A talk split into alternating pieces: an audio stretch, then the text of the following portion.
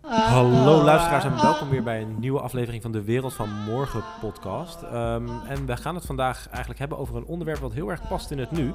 Ehm, en naast mij zit uiteraard Lorenzo. Hallo Nick. En daarnaast weer zit onze gasten deze week en dat is eh, Jonathan. Ehm, en ik kan je introduceren of eh, ik kan vragen wie Jonathan is in, eh, in twee volzinnen. Jonathan is 26 jaar. Ik eh, ben een growth hacker bij Rockboost. Eh, ik ben afgestudeerd op de Erasmus Universiteit met een master in marketing management. En we gaan het vandaag gewoon hebben over growth hacking. Oké, en eh, het is wel leuk. Wij, wij kennen elkaar al een paar jaar vanuit de Ja. studie en een beetje kort, ehm, een kort contact gehad. Maar ehm, ja, eigenlijk toen ik zag dat jij met dit onderwerp bezig was, vond ik dat eigenlijk wel heel interessant. ik, ik, vond het ook, ik vond het ook leuk om te horen. En toen was ik een paar weken geleden, althans wat was het vorige week, twee weken geleden, samen met Lorenzo. Wanneer was het Lorenzo? Weet ik niet meer. Volgens mij was het twee weken terug. Maar, maar we, waren, we waren dus heel recent waren we hier in, op een eh, locatie in Rotterdam eh, les aan het geven. Dat was Oh bij het dat- ECE. Dat was twee weken geleden, ja. Ja, eh, bij het Erasmus Center for Entrepreneurship. En zaten we eigenlijk in een van de oude Marconi-torens. Dat zijn torens waar vroeger de gemeente Rotterdam in zaten. En daar zitten we nu, eigenlijk in de boardroom. Dus wie hem ook op YouTube kijkt, deze podcast, eh, zal ook zien eh, dat we ja, echt eh, vergeven zijn in, in de stadshavens, de Merwe Vierhavens, zoals dat ze mooi heten. Ja. En ik had beloofd om degene te bedanken voor de boardroom, maar dat wil ik ook echt doen. Want ik ben ook echt oprecht blij met deze locatie. En we zitten tussen de bruisende start-ups. En we gaan het vandaag hebben over groei. Ja. En dus ook over Rockboost. Eh, en dit was ook het bruggetje waar ik naartoe wilde gaan. Eh, eh, wat doet Rockboost? Wat is gro- growth hacking? Leg het even uit. En ga zo maar door. Laat ik beginnen bij wat growth hacking is. Ik denk het makkelijkste. En, het, en het mak hoe ik het, het best kan uitleggen is als we, als we marketing erbij halen. Hè, als je kijkt naar de, de, de oude manier waarop producten op een markt werden gezet, dat was, je had dan zo'n product development team of een R&D team die wat leuks verzon, een tof idee. En die dacht, dit gaat waarschijnlijk wel werken. Die gingen dan 100% van de features van zo'n product ontwikkelen en die liepen dan naar de marketingafdeling. Zeiden, hé hey, marketingafdeling, kijk wat een tof product wil je hebben. Dit zijn de, de alle toffe features. Ga er nou eens even jullie sausje overheen gooien. Nou, dus de marketingafdeling die ging dan eh, op zoek naar een doelgroep die daarbij zou aansluiten. Die verzon een, eh, een mooie marktstrategie en eh, toffe branding. Op het moment dat zij klaar waren, dan gaven ze het stokje weer over aan het sales team. En die mochten dan uiteindelijk gaan verkopen. En wat grappig was, is dan in die cyclus, die, die wellicht gewoon een jaar zou kunnen duren, pas aan het eind van de cyclus, wanneer sales de markt op gaat met het product, valide- valideren ze pas eigenlijk of het nou echt een product is wat we mensen willen. En wat grappig is, er is redelijk wat onderzoek naar gedaan, is dat we zien dat heel veel startups falen. Ze zeggen toch dat eh 9 van de 10 startups falen. Iets van 5 of 6 van die 10 faalt omdat ze een, ja, een product waren, eh, aan het maken waren waar geen market need voor was. Dus waren eigenlijk een probleem aan het oplossen voor iemand die daar helemaal geen behoefte aan had. En growth hacking die pakt dat eigenlijk helemaal op een andere manier aan. Die kijkt juist binnen markt, binnen doelgroepen, wat zijn pijnen die daar bestaan. En hoe kan ik voor die pijn een oplossing verzinnen? En een oplossing, dat is dan een product. Je bent eigenlijk een soort van probleemoplosser. En samen met zo'n, met zo'n klant of zo'n doelgroep ga je constant je product verder ontwikkelen. En kom je erachter hoe moet zo'n product er dan uitkomen te zien, voordat mensen ook bereid zijn om ervoor te betalen. En als je dan de markt op gaat, dan weet je al, ik heb een product ontwikkeld waar mensen, die mensen echt willen. Als mensen het niet hadden gewild, had je dat heel vroeg al ge- gesignaleerd. Dan had je de start-up of het idee al heel vroeg kunnen killen. Dus zo voorkom je dat je heel veel geld kwijtraakt. Hè? Dus je vermindert ook het risico. En je zorgt ervoor dat jij, als je de markt op gaat, vaak al klanten hebt. Omdat je die hebt gebruikt om een product te ontwikkelen. En dan meer geld over hebt voor... eh, Voor andere voor de- zaken. Voor andere zaken Ja. voor de tools waar we het zo over eh, gaan hebben. Precies. Ehm, als jullie beginnen aan het begin van, van zo'n traject, hè, met, een, met een nieuwe klant. Ehm, eh, hoe, ja, hoe beginnen jullie dan? Waar begint dat mee? Nou, als zo- zo'n nieuwe klant dan bij, bij, bij Rockboost binnenkomt, en dat is dan het bedrijf waar ik voor werk, dat, we zijn dan de echte eerste growth hacking agency in Nederland. Ehm, zij beginnen bij ons met een, eh, eigenlijk met een soort een, cursus, een dag. Dan gaan we ze alles vertellen over growth hacking, hoe wij werken, wat growth hacking is. Omdat we ook heel erg geloven dat educatie heel belangrijk is.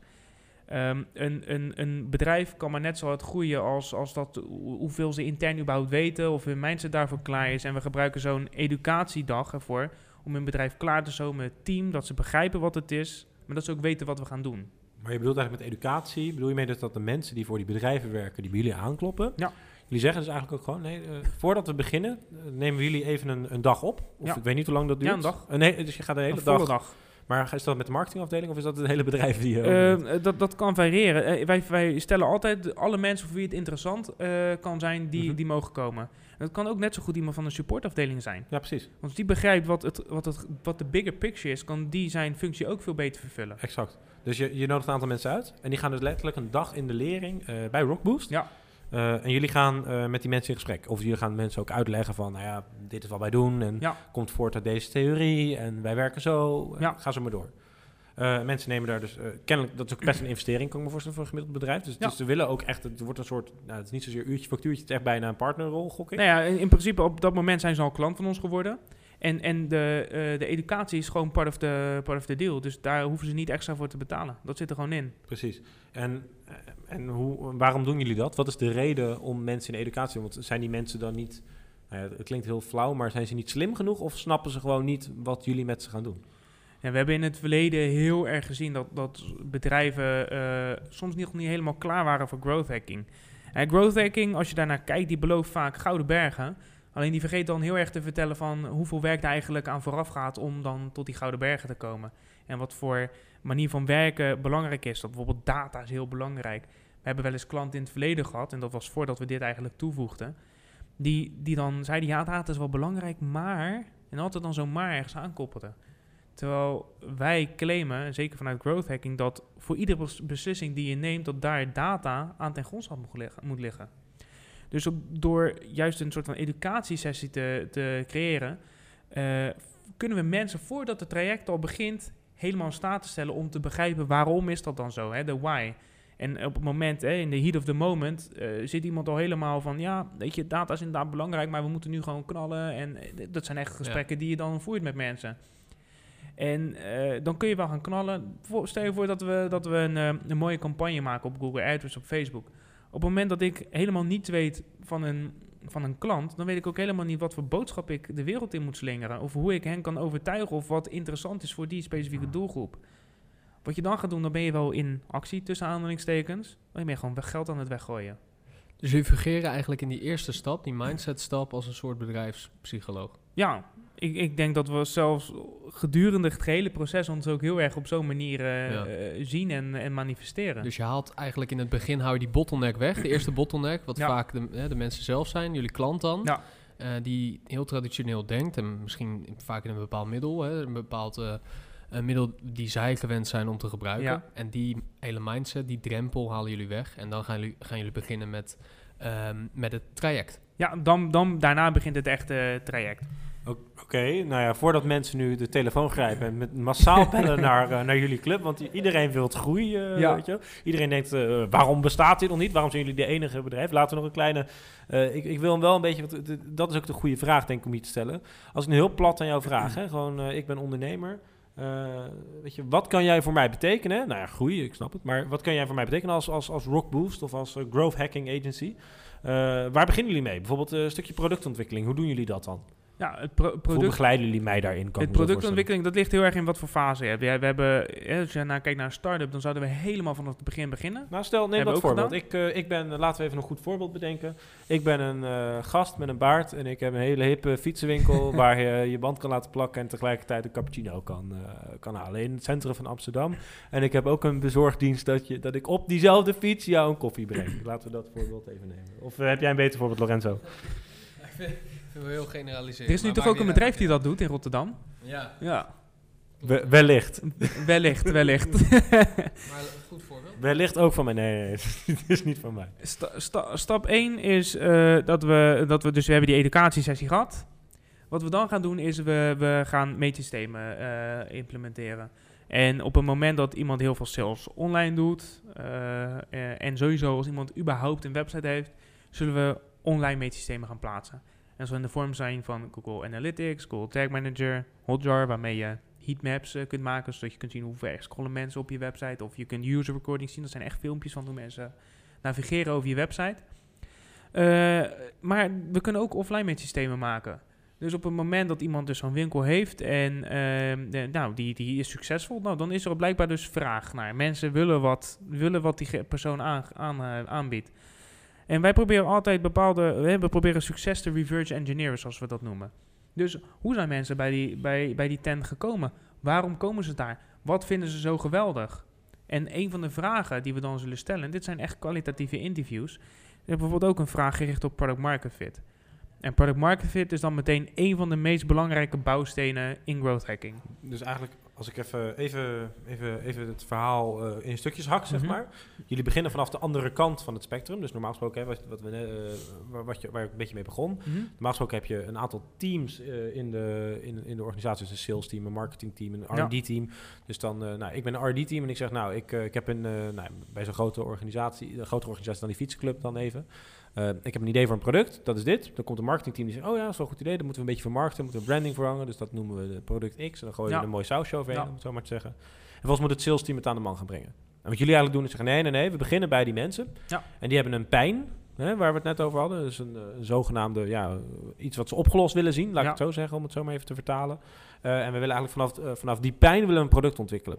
En vervolgens aan de hand van die ontwikkeling willen we steeds verder ontwikkelen en vragen blijven stellen en de waarom-vraag blijven stellen naar die klant ook toe. Ja, Dus een continue samenspel met die klant om een product te ontwikkelen die zo goed mogelijk voor die mensen is. juist. Zo benaderen jullie eigenlijk eh productontwikkeling. Ja, je zegt het misschien zelfs nog wel beter dan ik. Nou ja, ik, eh, maar ik stuur mijn eh, sollicitatie ook zo. Ja, dat prima, maar, prima. eh, ik heb genoeg te doen, denk ik. Maar ehm, eh, ik heb een blog gelezen van jullie, van jullie organisatie. Ja. En die heeft Lorenzo ook doorgenomen, uiteraard.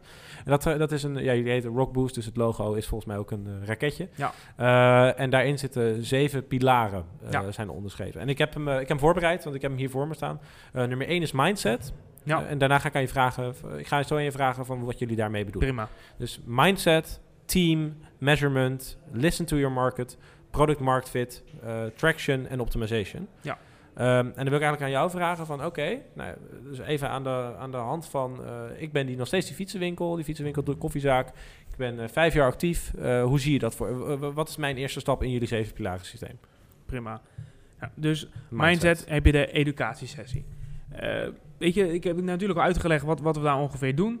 Eh, maar wat, wat denk ik belangrijker is om hier meer aan te halen, is dat je voor growth hacking, voor alle andere pijlers, om daar succes in te krijgen, eh, eh, heb je een bepaalde mindset nodig. Een bepaalde openheid, je- een, een, een bepaalde manier van denken. Maar ook ehm, eh, de acceptatie dat iets wat je nu gedaan hebt misschien niet meer helemaal werkt. Of iets wat je nu doet, je op een hele onconventionele manier nog beter kunt doen. Komt dat vaak voor? Dat mensen heel erg vasthouden aan het succes uit het verleden? Ja, het is, bij, ik, het is een beetje een retorische vraag. Maar, Ja, het is, het is, maar kom je dat veel, veel het tegen? komt eh, extreem veel voor. Eh, en wat dan grappig is, is, is dat, dat hè, we zijn allemaal vaak wat jongere mensen. Dan komen we in een organisatie waar iemand misschien al twintig jaar met hetzelfde bezig is. En die voelt zich dan enigszins op zijn ego getrapt soms. Heb je daar een voorbeeld van? Een beetje een sappig verhaal eh, het liefst. eh. Ehm, even kijken. Ja, ik, ik heb genoeg eh, sappige, sappige verhalen. Eh, eentje die misschien wel leuk is, is dat wij in een bepaald design wilden wij graag wat, eh, wilden wij graag wat aanpassen. Was voor er- design hebben we het dan over? Nee, een de- design van een website. Dus had, iemand ja. had een homepagina en die wilde hij gaan, gaan redesignen. Nou, top. We, we hadden een redesign gezien en wij hadden daar wat feedback op gegeven. We hadden gezegd, op deze manier verwachten we dat mensen niet heel erg gaan, gaan doorscrollen op je website. Hè, we verwachten dat mensen eh, eigenlijk niet weten welke acties ze nu moeten gaan voltooien. Wat ze deden dus op een website, liet ze eigenlijk be- be- be- be- ehm, verschillende funnels zien onder elkaar. Die je eigenlijk allemaal pas kon zien als je dus helemaal naar het einde scrolde, had je ze allemaal gezien en kon bepalen welk funnel is voor mij heel belangrijk momenteel. Eh, wij hadden gezegd, weet je wat, doe alles boven de vouw, zoals we dat noemen. Dus alles wat je boven je scherm ziet zonder dat je hoeft te scrollen. Laat daar gewoon funnels zien. De verschillende funnels die je, die je aan wilt tonen. Maar dan kreeg ik als argument terug, nee, binnen onze industrie was er een hele grote speler, die heeft het ook op zo'n manier gedaan en eh, dan zal het wel goed zijn. Dus ik heb gevraagd, oké, prima. Eh, beschikken jullie over de data van die grote onderneming? Nee, niet Ja. echt. Dus hoe kun je dan bepalen dat wat zij doen, of dat succesvol is? Ja, dat kunnen we niet, maar het zal wel goed zijn. Dus dat namen ze aan, dat was een keiharde assumptie. Nou, ik eh, kreeg ze niet overtuigd. Ik dacht, prima, zet jullie design maar online. Ik kan dan met een mooie, met een mooie tool, Hotjar, kan ik een heatmap maken. Kan ik zien hoe ver mensen scrollen. Nou, ik, ik kan het nu even niet laten zien aan jullie, maar hij kwam dus online en je zag dat mensen gewoon niet meer doorscrolden. Bij de Het werd pijnlijk duidelijk dat het, werd he- het was heel pijnlijk. Ja. Maar eh, de verbetenheid van, van de ondernemer in kwestie, die eh, kon zich daar ondanks de data nog steeds niet overheen zetten. En die zei, ja, maar dit is gewoon mooier. Dus zo diep genesteld zit dat. Ja. Maar dat, eh, dat hoor je vaker. Ik bedoel, dat, ik zit zelf ook in het in, eh, vanuit marketinghoek vaak dingen te beredeneren. En dit is toch wel vaak een soort onderbuikgevoel. Terwijl je tegenwoordig heel veel met data kan. Een datagedreven organisatie willen we allemaal zijn, want we geloven Ja. er wel in. Maar dus jij merkt dus dat er nog steeds mensen zijn die dat kennelijk niet doen. Ik, ik, ik denk dat heel veel mensen het tof vinden om te zeggen dat ze een datagedreven organisatie zijn. Hè, die vinden het voor de buiten, buitenperspectief, ja, we zijn een datagedreven organisatie. Maar op het moment dat puntje bij paaltje komt, zie je dat heel veel bedrijven het gewoon niet doen. A, omdat het gewoon echt lastig is. Het is best wel moeilijk. Je moet heel veel nieuwe kennis opdoen.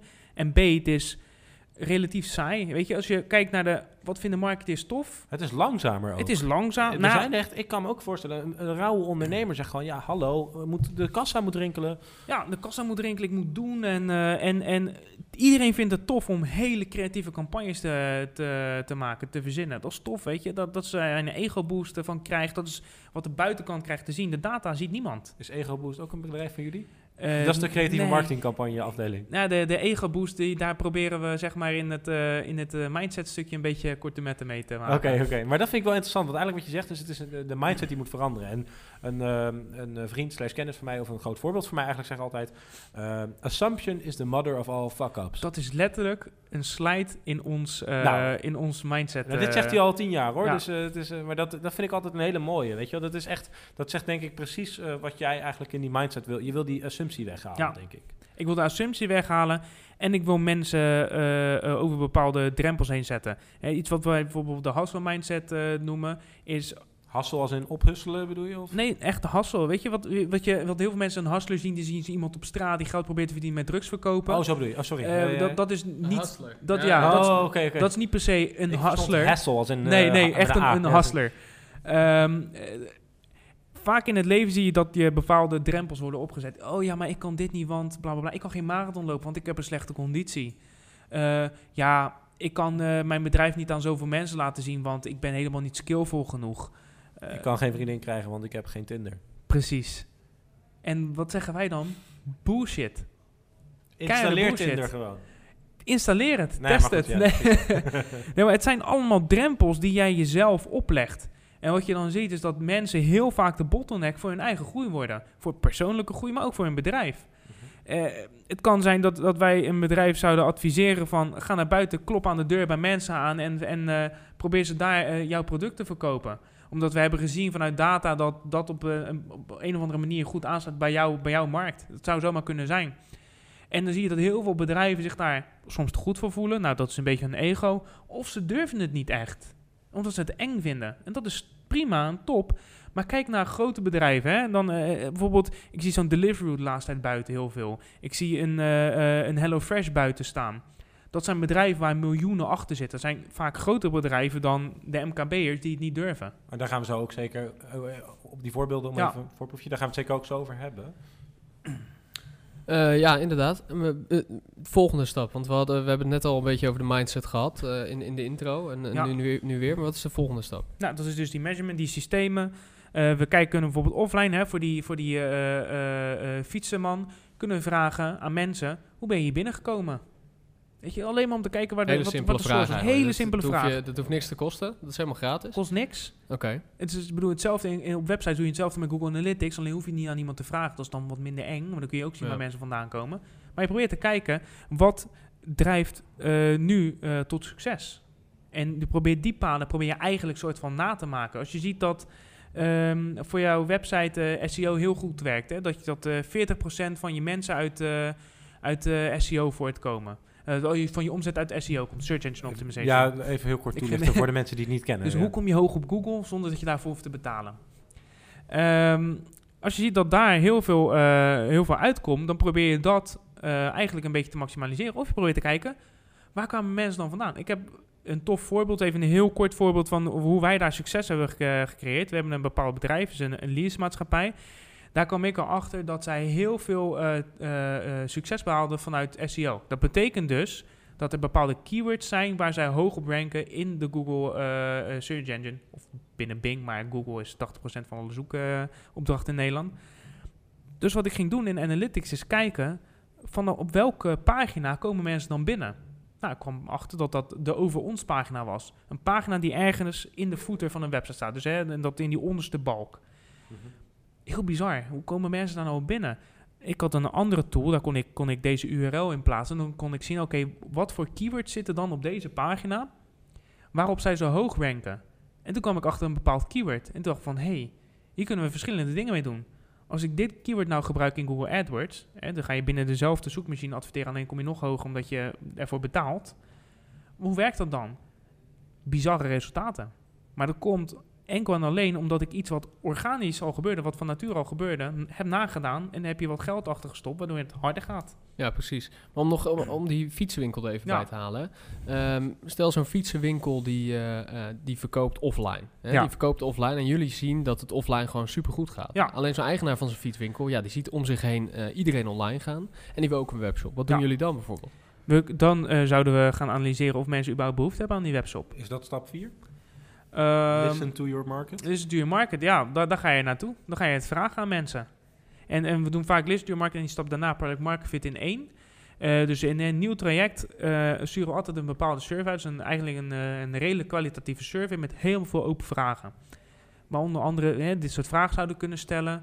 Eh, En wat, wat zou zo'n vraag dan zijn? Bijvoorbeeld voor zo'n fietswinkel, even als voorbeeld. Om dat eh, als voorbeeld te nemen. Een fietswinkel kan bijvoorbeeld zijn... Wat eh, zorgt er bijna voor dat je hier niet naar binnen bent gestapt?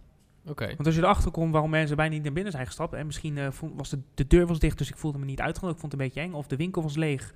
Eh, en, en ik vind het niet fijn om aangestaard te, te worden. Als je daarachter komt, dan is er een bepaal, heb je wat meer data om te vermoeden... dat dat voor andere mensen misschien ook zo zou kunnen zijn. En die mensen haal je dan uit een mailinglist bijvoorbeeld. Ja, nou, Want heel veel, ik, wat mij opvalt is dat er zoveel, zo weinig bedrijven, moet ik goed zeggen, maar bezig zijn met het identificeren van mij als klant. Ja. Laatst kreeg ik van de Bijenkorf de vraag of ik privilege-member wilde worden, geloof ik. En dan slaan ze even je data op en dan Ja. krijg je je bonnetjes gemaild. Dat vind ik heel slim, want dan weten ze ook A, wat ik koop, Ja. B, wie ik ben en C, hoe vaak ik kom. En ik bedoel, dan kun je ook gericht die vraag stellen. Terwijl als jij dat niet doet, want ik ben bij de, nou ja, noem een willekeurige winkel waar je bijna nooit wordt gevraagd wie je bent. Je hebt echt geen persoonlijke benadering, dus dat even vanuit die gedachte al niet. Maar ik zou ook nooit die vraag kunnen stellen waar jij het nu over had, omdat ik niet weet wie mijn klanten zijn. Ik Nee. kan ze niet vinden. Nou, en wij, je kan het inderdaad online op basis van mailinglist doen... of je hebt een CRM-systeem waar je klanten in staan... Of gewoon in die winkel. En offline doe je dat gewoon in de winkel. Als iemand binnenkomt, stel je voor, je, wie, uiteindelijk in de winkels weet je vaak wie je vaste klanten zijn. Stel ze een vraag als ze langskomen. Weet je, of eh, vraag of je hun telefoonnummer mag, zodat je ze even een keertje kunt interviewen. Maakt niet uit. Doe wat je moet doen om meer te weten te komen over wat hun nou drijft, wat zij belangrijk vinden, wat nou de bewegingen zijn om bij jou een product af te, eh, af te nemen. Oké, dus we hebben geluisterd naar eh, onze markt. We weten wie onze klant is. Wat gaan we dan doen?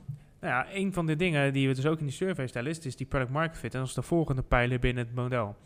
En product market fit definiëren we als, eh, eh, eh, als je kunt product market fit bereiken wanneer 40% van je klanten zeer teleurgesteld zou zijn als je het product of de service bij hun zou wegnemen. En even om context hier te schetsen is dat een product zien wij niet als het fysieke ding. Hè? Alleen het, het bekertje wat ik hier nu even beet hou voor de luisteraars. Het zijn ook alle services daaromheen. Alle touchpoints die je, eh, die je hebt met de fabrikant van dit ene bekertje of van een bepaald bedrijf. In het geval van de fietsenwinkel kan het de, de, de welkomstgroet zijn. Je kan iemand Noors aankijken en zeggen hallo. Of je kan iemand begroeten met hey, super tof dat je er weer bent, welkom. Ja, maar dat is precies ook wat je, wat je ziet gebeuren. Hè? Ik bedoel, ik denk dat ik dat ook een van de fijne dingen vind als, als voorbeeld. Hè? Want we hebben straks heel veel voorbeelden, maar aan Starbucks. Ze schrijven zelfs mijn naam op die beker. Ja. En dan roepen ze Nick. En dan komt mijn, mijn kopje koffie naar mij toe. En dat vind ik heel fijn. Ja. Waar als ik eh, bij de Albert Heijn To Go moet ik zelf een euro in een machine gooien. Ja. Of een paar euro. Ja. Weet je, dat is echt een totale tegenovergestelde... Hele eh, andere beleving. beleving. Ja. Maar ook qua prijs. Nee, nee, ook... ook Heel erg, daar zit je echt heel... eh, daar zit je natuurlijk heel anders op prijs. Daar maak je wel een, eh, een, ja, een lichtjaarverschil, vind ik, qua eh, eh, eh, kwaliteit en allerlei andere factoren die daarin meespelen bij ehm, ehm, Starbucks en bij eh AHA. Ja, maar ze zitten beide op dat centrale station. Hè? Ze zitten bij, als, ik naar, als ik nu in een uur in de trein moet zitten, wil ik dat kopje koffie. En dan is het de vraag, welke van die twee methodes, die product market fit, kan ik me voorstellen, het beste aansluiten bij die treinreiziger. En bij welke maar het is- treinreizigers? Het is ook heel erg, een product market fit is gebaseerd op een bepaalde doelgroep. Mhm. De Albert, uh, uh, Appy to Go zal een bepaalde doelgroep hebben, waar Starbucks weer een hele andere doelgroep heeft. Starbucks je- is die hipster met die baard. Hè? Ja, die dat- wil stoer ja, zijn. dat zou Nee, zomaar even kunnen zijn. Heel plat, hè? Heel plat dat- gezegd, inderdaad, ja. zijn, dat, zijn dat die mensen. Maar je moet product market fit voor jouw doelgroep bereiken. En dat kun je alleen maar achterhalen door het te vragen. En wat een hele belangrijke is, is niet alleen hey, hoe teleurgesteld zou je zijn als je product X niet meer zou kunnen gebruiken. Ook waarom. Dus als iemand zeer teleurgesteld is, waarom is dan iemand zeer teleurgesteld? Maar als iemand dat er zegt, ik, ben, ik zou enigszins teleurgesteld zijn, dan heb je dus geen product market fit. Waarom? Wat we anders kunnen doen? Daar kun je van leren. En dat kun je gebruiken om je product te tweaken, om zo snel mogelijk wel naar die product market fit toe te gaan. Oké. Ik haal nog weer even die, eh, die, het voorbeeld erbij van die, eh, van die fietsenwinkel. Ehm, we weten, we hebben geluisterd naar onze markt. We weten wie onze klant is. We hebben daarop ons product op aangepast. Nu willen we ons, eh, ja, ons bedrijf laten groeien. Ja. Hoe gaan we dat doen? Hoe gaan we dat doen? We gaan eerst kijken naar, en dan hebben we eh, eh, eh, verschillende tractiekanalen, zoals we dat noemen. Dat zijn er 19.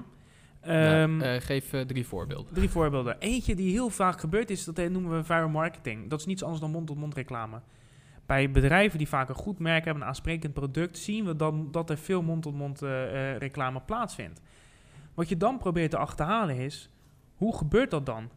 Wat is Ja. het punt dat iemand zegt tegen iemand anders, hey, weet je wat je nou eens een keer moet checken? Die ene fietswinkel, die ook nog eens je koffie bezorgt bij jou thuis. Dat zou bijvoorbeeld kunnen zijn, want daar werkt zo'n aardige gast. Zo'n aardige gast. Ja, die is altijd zo vriendelijk en dan, dan maakt hij me een cappuccino en dan doet hij ook nog mijn voorletter in het eh, latte art. Maar je probeert te eh. achterhalen wa- waarom het is. Dus wat is het? Wat, hè, wat, wat drijft ze er naartoe? Dat noemen wij aha-momenten. Zoals we dat zeggen. Wat is de aha-moment? Nou, dat kan dus die vriendelijke goed zijn. Of eh, hij vraagt altijd aan me hoe het gaat. Of hij, niet het Albertijn eh, moment, maar ah, Ah, Eh, ja.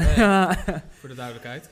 maar maar, maar, maar wat, wat ook belangrijk is, is wanneer speelt dat punt? Wanneer is dat punt? Is dat als iemand thuis zit op de bank en hij vertelt het dan eh, aan zijn opa en oma waar hij op bezoek is? Of vertelt hij het in de kroeg aan zijn vrienden? Wanneer is dat moment? Want als je weet wanneer dat moment eh, is, dan kun je daar eigenlijk eh, op inspelen. Dan kun je mensen de tools geven om het nog makkelijker te maken.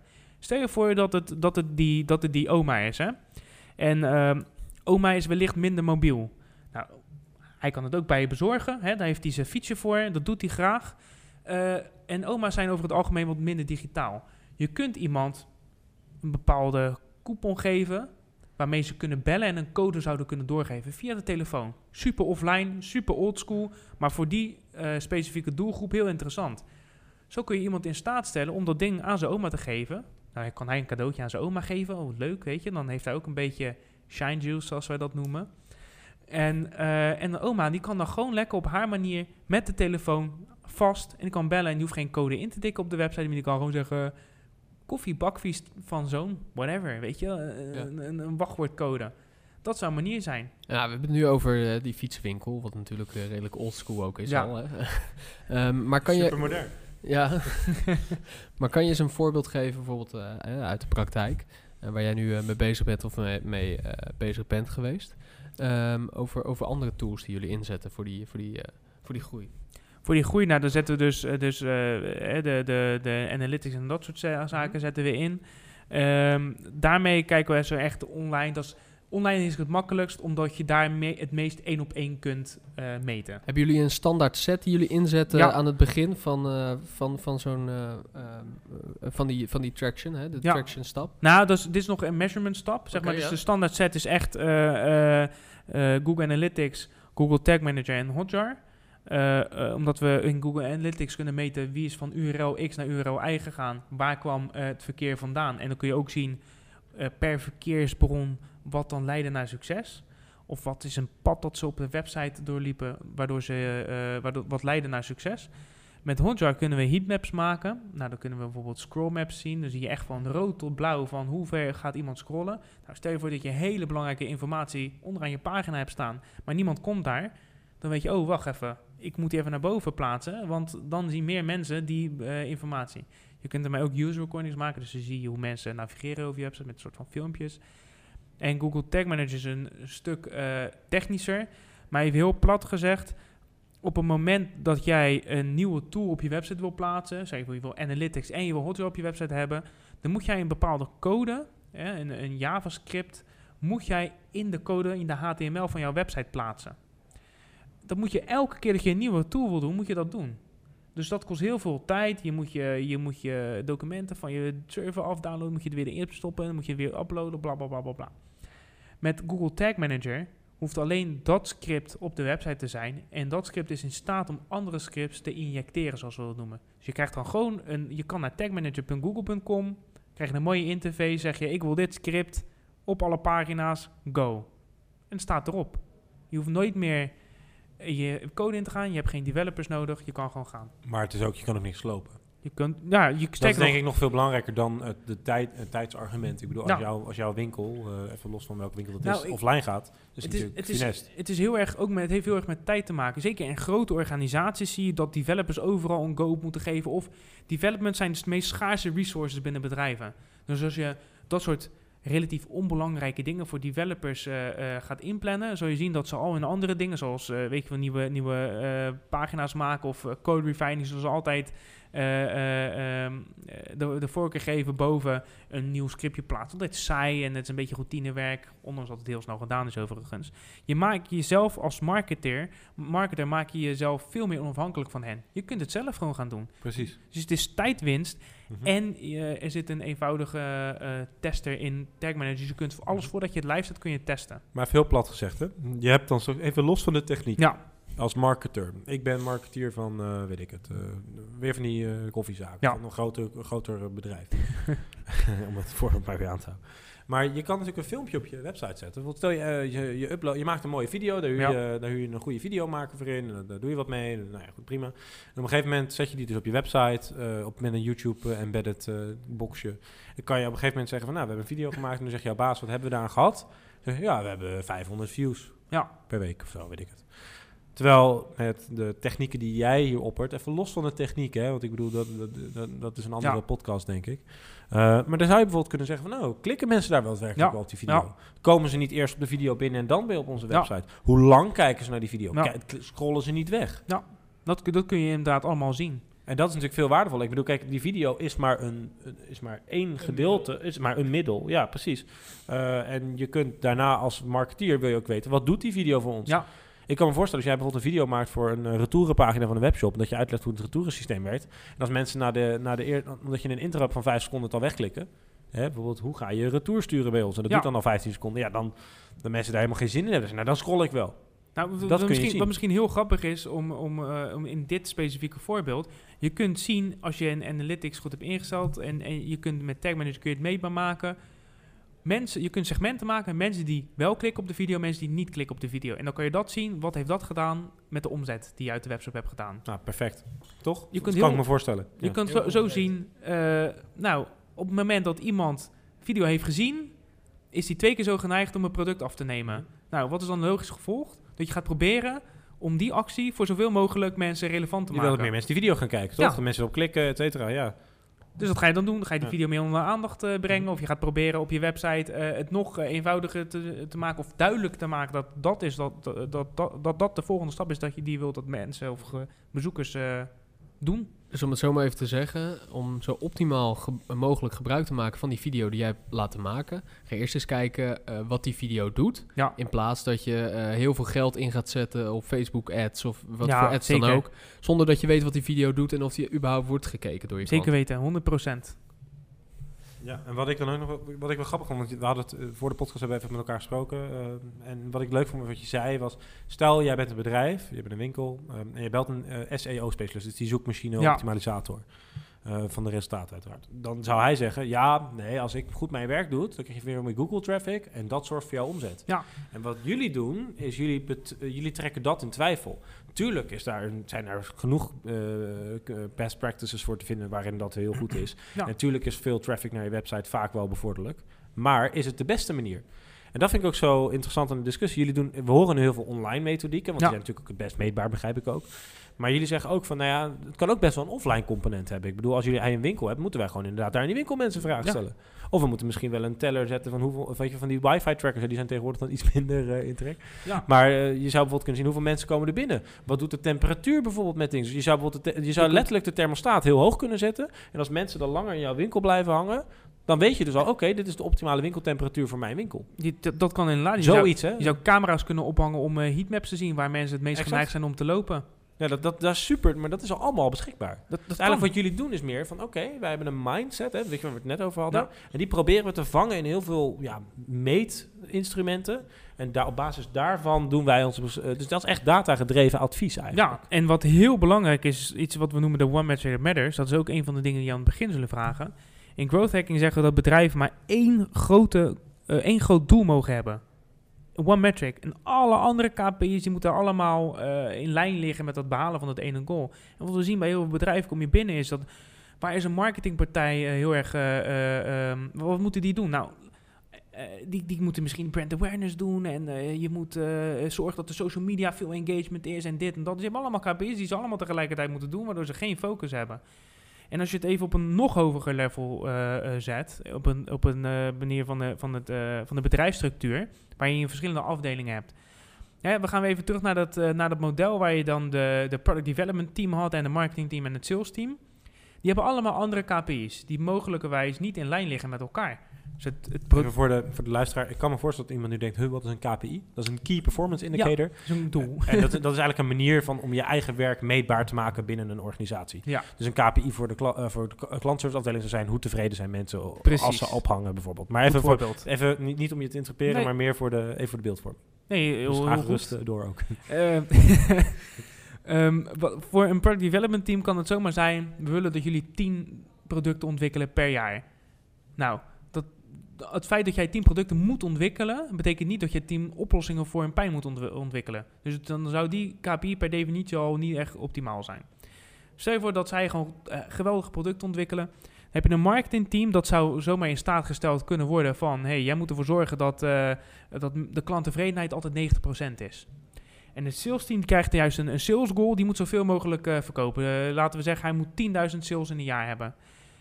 Het sales team kan heel veel zaken doen, heel veel soort van korte termijn trucjes, vieze, smerige dingetjes, om maar zo snel mogelijk aan hun doel te komen. Hè. Die, ze kunnen, zij kunnen die 10.000 halen.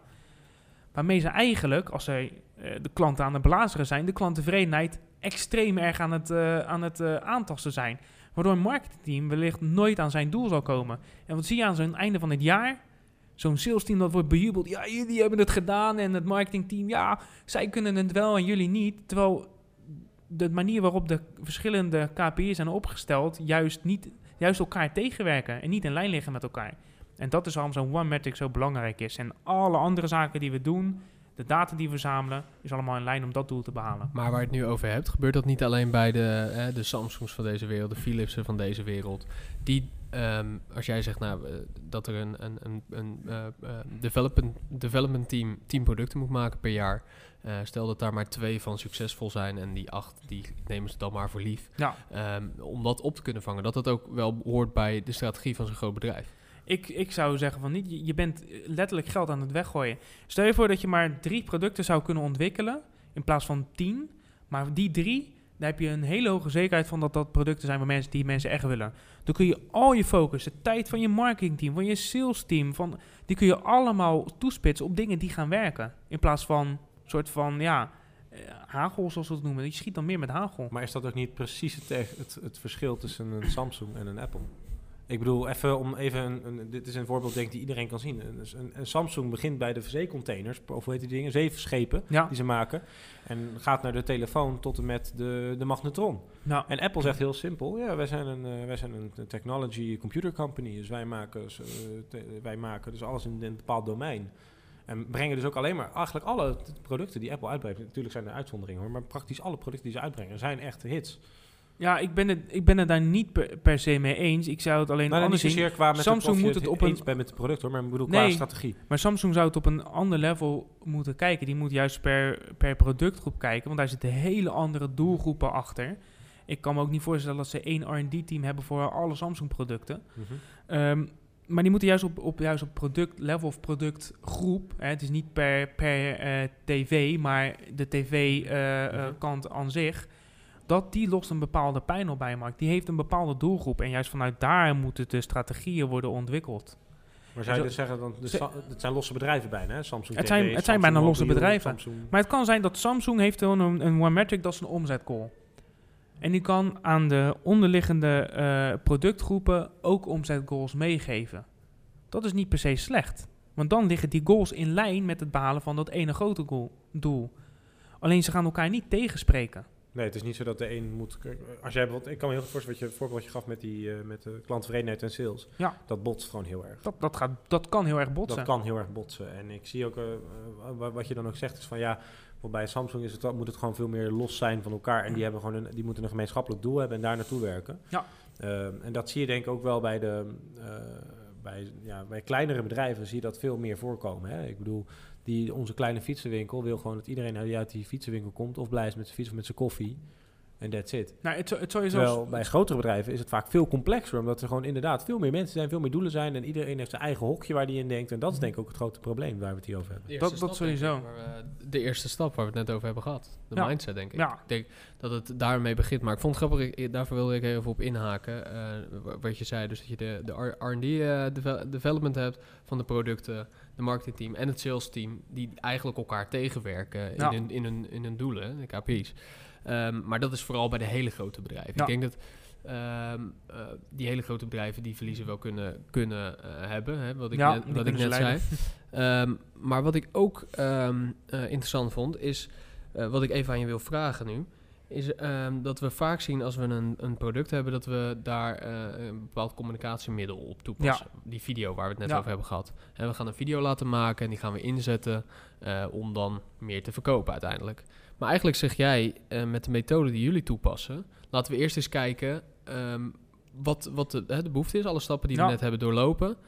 Dus daarop, op die behoefte en die data, zou je ook pas de communicatiemiddelen kunnen Precies. toepassen. Zonder dat je een dure video of een website of een weet ik veel wat gaat La- laten laten maken. we zeggen dat jij al weet, hè, je kent je doelgroep heel goed. Wij zeggen zelfs, je moet soort van in de hoofden van de doelgroep zitten. Je moet ze beter kennen dan, dat zij, dan dat zij zichzelf kennen. Ehm, wat je ziet is dat heel veel mensen, en dat is echt dat volgende, ge- dat volgende, die volgende pijlen, die tractiekanalen. Nou, dat zijn, eh, dat zijn 19 kanalen, wa- waardoor middel je groei kunt behalen. Nou, Pyro Marketing was er één van, dat eh, gaf ik aan. Je, je hebt er nog heel veel andere. Eh, Wat je ziet is dat heel veel bedrijven kijken naar wat doen andere mensen in mijn industrie en dat ga ik nadoen. Of ze grijpen naar de kanalen waar ze mee bekend zijn. En that's it. That's the limit. Website. Website, nou, website is dan geen kanaal. Dat Nee, is wel de- middel- product, maar Facebook. Facebook adverteren. eh, Waarom eh, kan je, waarvoor kan je website geen kanaal zijn? Eh, eh, dat, wij zien het website als een touchpoint van jouw bedrijf. En daar, daardoor vormt dat onderdeel van je, van je product. Oké. Daar ben ik het mee eens, hè? want ik bedoel, heel plat gezegd, de receptie is hier ook een touchpoint van dit Ja. grote gebouw. En de website is dat ook. Ja. Alleen je ziet echt bizar. Uh, bijvoorbeeld wat, ik, wat mij wel eens opvalt, als je soms wel eens een bedrijf mailt, dan krijg je gewoon geen reactie. Nou. Terwijl als je belt, ze nemen niet op. Dat zou zogenaamd dan weer niet kunnen. Nou, het is, het is dan heel bizar dat zeg maar, dat bedrijf kan geweldige producten maken. Hè, die echt een pijn aan het oplossen is voor een bedrijf. Maar zo'n simpel puntje zou een negatieve invloed kunnen hebben op die product market fit. Die juist zo'n belangrijke factor is voor het growth hacken. En, en je, je, als je daar achter komt, dan weet je ook waar moet jij je product tweaken. Dus je moet, dat, die tele, dat, je moet jezelf bereikbaarder maken op dat punt. En aan de hand van die 19 eh, middelen die je Ja. hebt om, om, eh, om die, die groei of die tractie te, Ja. eh, te ja, berekenen en Ja. daar die data uit te halen.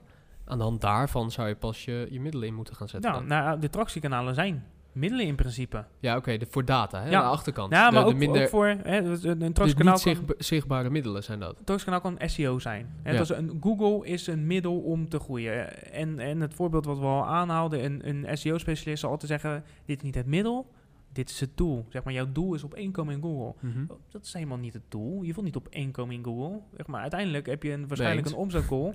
En of je nou pagina 256 van Google staat of... Als jouw eh, omzet stijgt, dan is het goed, toch? ik, ik, ik, ik moest een keertje spreken en dan werd ik uitgenodigd om over SEO te praten. En ik heb mijn, mijn, mijn talk eigenlijk een beetje eh, omgedraaid. Ik vroeg aan mensen aan het begin, wie wil er opeens staan in Google?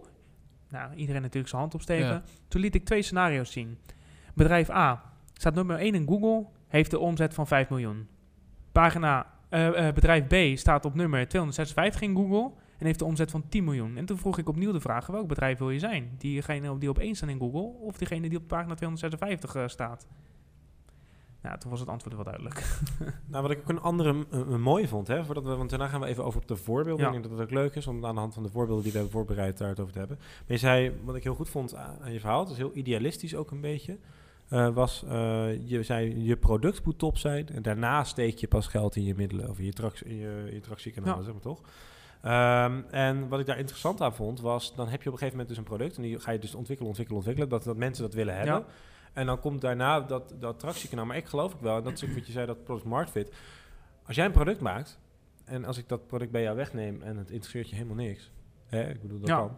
Eh, dus eigenlijk een product, het is eigenlijk gewoon totaal geen, een passieloos product bijna. Ja.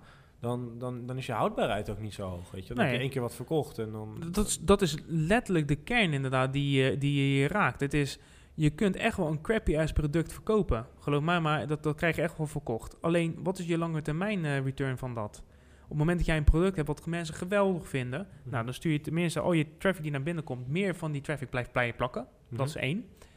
Eh, en op het moment dat ze bij je blijven plakken... dat ze wat van je gekocht hebben... zijn ze ook eerder geneigd om bij je terug te komen... omdat je gewoon goede dingen hebt verkocht. Maar het zit ook in kleine dingen zoals aftersales. Ik Ja, bedoel, zeker weten. We hebben het nu net alsof het heel erg nieuw is. Maar in principe, Nee. wat je hier aanhaalt, is gewoon een, een standaard marketingverhaal. Het is helemaal gewoon een niet uitgebreid product. Ja. Weet je? Dus ik bedoel, als ik, eh, als ik een... Stel, ik koop een Dyson stofzuiger, een hele dure stofzuiger. En dan gaat het kapot en ze komen... Ze, in dit geval is het ook zo. Dyson heeft een technologie ontwikkeld dat als jij de stofzuiger bij de telefoon had, kunnen ze door middel van software dus uitlezen in die software hoe, waar, de, waar de fout vaak dat is zit. super tof. Dat is super gaaf. Ja, En als die fout is, dan hebben ze een soort garantie. Dus binnen een dag komt er gewoon iemand naar je toe om hem te vervangen of Ja. om te repareren. Dat doen ze dan vijf jaar. Tuurlijk is die stofzuiger veel te duur. Hè? Ik bedoel, hij is 200 euro duurder. Maar de uiteindelijke belofte is veel breder. En ik denk dat daar waar de crux slaat is van, dat kan. Je kan sommige producten zijn gewoon veel te duur en bieden ook niks extra's. Dat zijn, wat mij Ja. betreft, dat, dat, ga je, dat is die product market fit, denk ik Ja. weer.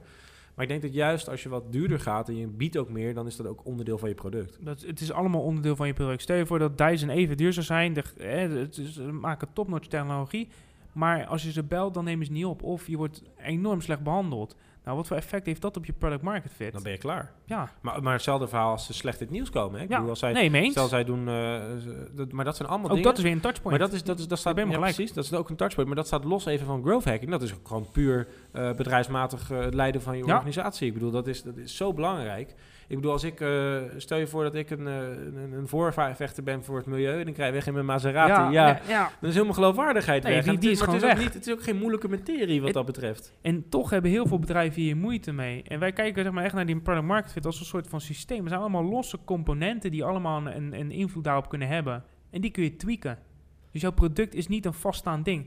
En dan even, ik heb hier weer zo'n die, die, die, die koffiemok die ik heb eten heb. Nou, is een beetje eh, eh, zoals een, zo'n Starbucks mok. Stel je voor dat we gaan vragen aan mensen van... hé, hey, hoe vind je dit? Of wat zou er anders kunnen? En die zeggen, nou ja, ik vind het eigenlijk wel fijn om zo'n oortje bij zo'n type mok te hebben. Nou, prima. Gaan we zo'n eh, product ontwikkelen. Dan gaan we opnieuw vragen aan de markt. Hey, is dit ongeveer wat je bedoelt? Ja, dat is eigenlijk wel wat ik bedoel. Zo kun je je product, wat, wat niet statisch is, kun je dus eigenlijk optimaliseren, zodat het beter gaat aansluiten op wat iemand graag wil hebben. Dus ook wat Sta- Starbucks doet, die hebben ook die, weg, die hebben wegwerpmokjes. Hè? Ja. Maar je kan ook voor volgens mij 1,50 of zo kan je, een, Ja, kan ook. kan je dus een, een, een, duurzamere versie Ja. die kan laten vullen. Ja, Ik kan me voorstellen dat dat ook een reden is om naar Starbucks te gaan. Omdat je het zonde vindt om al die dingen weg te gooien. En Ja. dat het ook een financieel voordeel met zich meebrengt. nou, je, gaf al aan, het is eh, de, gechargeerd gezegd, eh, zijn het de, de hipster met, eh, hipsters met grote baarden die daar klant zijn. Ik kan me voorstellen dat dat heel goed aansluit bij hun doelgroep. Voordat we eh, wat leuke voorbeelden gaan, gaan behandelen, eh, die voor iedereen bekend zijn. Ehm, laatste stap waar je het net eigenlijk, je maakt zelf al het bruggetje. Eh, ik kan me voorstellen dat als je zo'n eh, tractiekanaal hebt gevonden, Ja. die werkt, ga je die optimaliseren. Ja. Ja, die ga je optimaliseren. Ehm, wat je in de praktijk heel veel ziet, is dat bedrijven die focussen zich op, eh, die willen eigenlijk zoveel mogelijk van die kanalen doen. Hè, want ze denken, oh, een, een kanaal dat ik niet heb gedaan, is een, een gemiste kans. En wat wij zeggen is juist, je moet een kanaal wat al goed werkt, moet je proberen te maximaliseren. Pas op het moment dat zoiets, hè, dat je, je lokaal maximum hebt bereikt, zoals we dat noemen, je, je gaat niet verder groeien meer, dan kun je een ander kanaal daarna zetten. Op dat moment beheers je dat ene kanaal heel goed. Je hebt al het onderzoek gedaan, je weet wat er werkt. Dan kun je een nieuw kanaal gaan, eh, eh, gaan onderzoeken. En dat doe je door te kijken van eh, waar, waar liggen momenteel vanuit de data potentiële kanalen die we nog niet gebruiken. Dus je gaat heel erg met scherp schieten in plaats van met hagel. Letterlijk laserfocus eh, ga, ga je te werk. En wat iets heel moois is op het moment dat je echt een aantal kanalen beheerst, dan kun je wat we noemen channel, eh, channels gaan stacken. Dus kanalen op elkaar gaan bouwen. En eh, eh, wat je dan kunt doen, is dat je de sterkte van alle verschillende kanalen kunt gebruiken om de andere kanalen te versterken. Dus stel je voor, je, je weet dat e-mail heel erg goed voor je werkt. Hè? Je, je conversieratio vanuit e-mail is 40%. Nou, dan kun je bijvoorbeeld, je kunt een bepaalde pagina maken waar je je alleen maar op kunt inschrijven voor de, voor de nieuwsbrief. Nou, dan kun je Google eh, advertenties of een Facebook advertentie naartoe sturen. Nou, dat is een an- ander kanaal. Nou, die kunnen zich daar inschrijven. En die kun je dan vanuit je e-mail weer opnieuw proberen te benaderen. Want je weet dat e-mail redelijk succesvol is. Wat ook kan gebeuren, iemand komt op je website, die wilde zich nog niet meteen inschrijven. Dan kun je retargeting gebruiken. Nou, retargeting is, hè, je komt op een website, je kijkt naar een schoen en overal waar je komt zie je ineens overal die schoen. Dat is retargeting. Nou, dat is een ander kanaal wat je dan gaat toevoegen. Nou, dan komen er ineens mensen die hebben, zie dan weer je advertentie en denken, nou, weet je wat, ik ga me toch inschrijven. En die komen er weer op je e-maillijst en die kun je daarna weer een e-mailtje sturen waarvan de kans groter is dat ze converteren. Zo kun je kanalen die wellicht al goed voor je werken, gebruiken om elkaar te versterken. Oké. Nou, ja, ik, ik denk dat we genoeg hebben behandeld over de materie Ja. van de growth hacking. Ehm, ik, ik hing echt aan je lippen, want ik, ik, heb er wel het een en ander over gelezen. Ehm, maar ik weet er nog niet heel veel over. En ik vind het echt super interessant. En eh, eh, laten we eens wat voorbeelden uit de praktijk eh, pakken. We moeten ook een beetje doorgaan, want eh, we zitten zo lekker te praten. En straks wordt het een podcast van twee uur. Wat hartstikke leuk is natuurlijk. Maar, maar goed, laten we eens wat voorbeelden uit, uit de praktijk pakken. Kan je, kan je eens een bekend voorbeeld nemen ehm, eh, die voor iedereen wel bekend is? Ja, nou, ik, ik denk dat het een mooi voorbeeld, om eerst nog even in de product market eh, sfeer eh, te blijven, is het, eh, het voorbeeld van Kodak. Kodak, supergroot bedrijf. Eh, mensen van mijn leeftijd, ik ben 26, die eh, hebben waarschijnlijk nog wel ooit wel foto's geschoten met fotorolletjes. Nou, er was maar één king in fotorolletjes, dat was Kodak. Dat was een bedrijf van 40.000 mensen. Die eh, waren dus een, een probleem aan het oplossen. Probleem eh, eh, in, in mijn idee op dit moment, ik- even een assumptie, is ik wil gewoon mijn ervaringen vastleggen. Zodat ik ze niet vergeet, dat ik later nog over kan nadenken of kan, naar kan terugkijken. En het middel dat ze daarvoor gebruikten waren fotorolletjes, omdat er op dit moment niet meer bestond dan dat. Wat grappig was, is dat er in een R&D-team was er dus een man die digitale fotografie had uitgevonden. Die ging naar die boardroom van, eh, van Kodak en die, die gaf daar aan... Jongens, ik heb het, dit is de toekomst, digitale fotografie. Weg met die fotorolletjes, je hoeft het niet meer te doen. En het antwoord dat hij daar kreeg van, van, van de leiding was... Digitale fotografie, wij zitten in de business van fotorolletjes. Dat is wat we doen. Ja, maar dat, dat brengt ook geld in het laadje. Ja, dat brengt op dat moment geld in het laadje. Ja.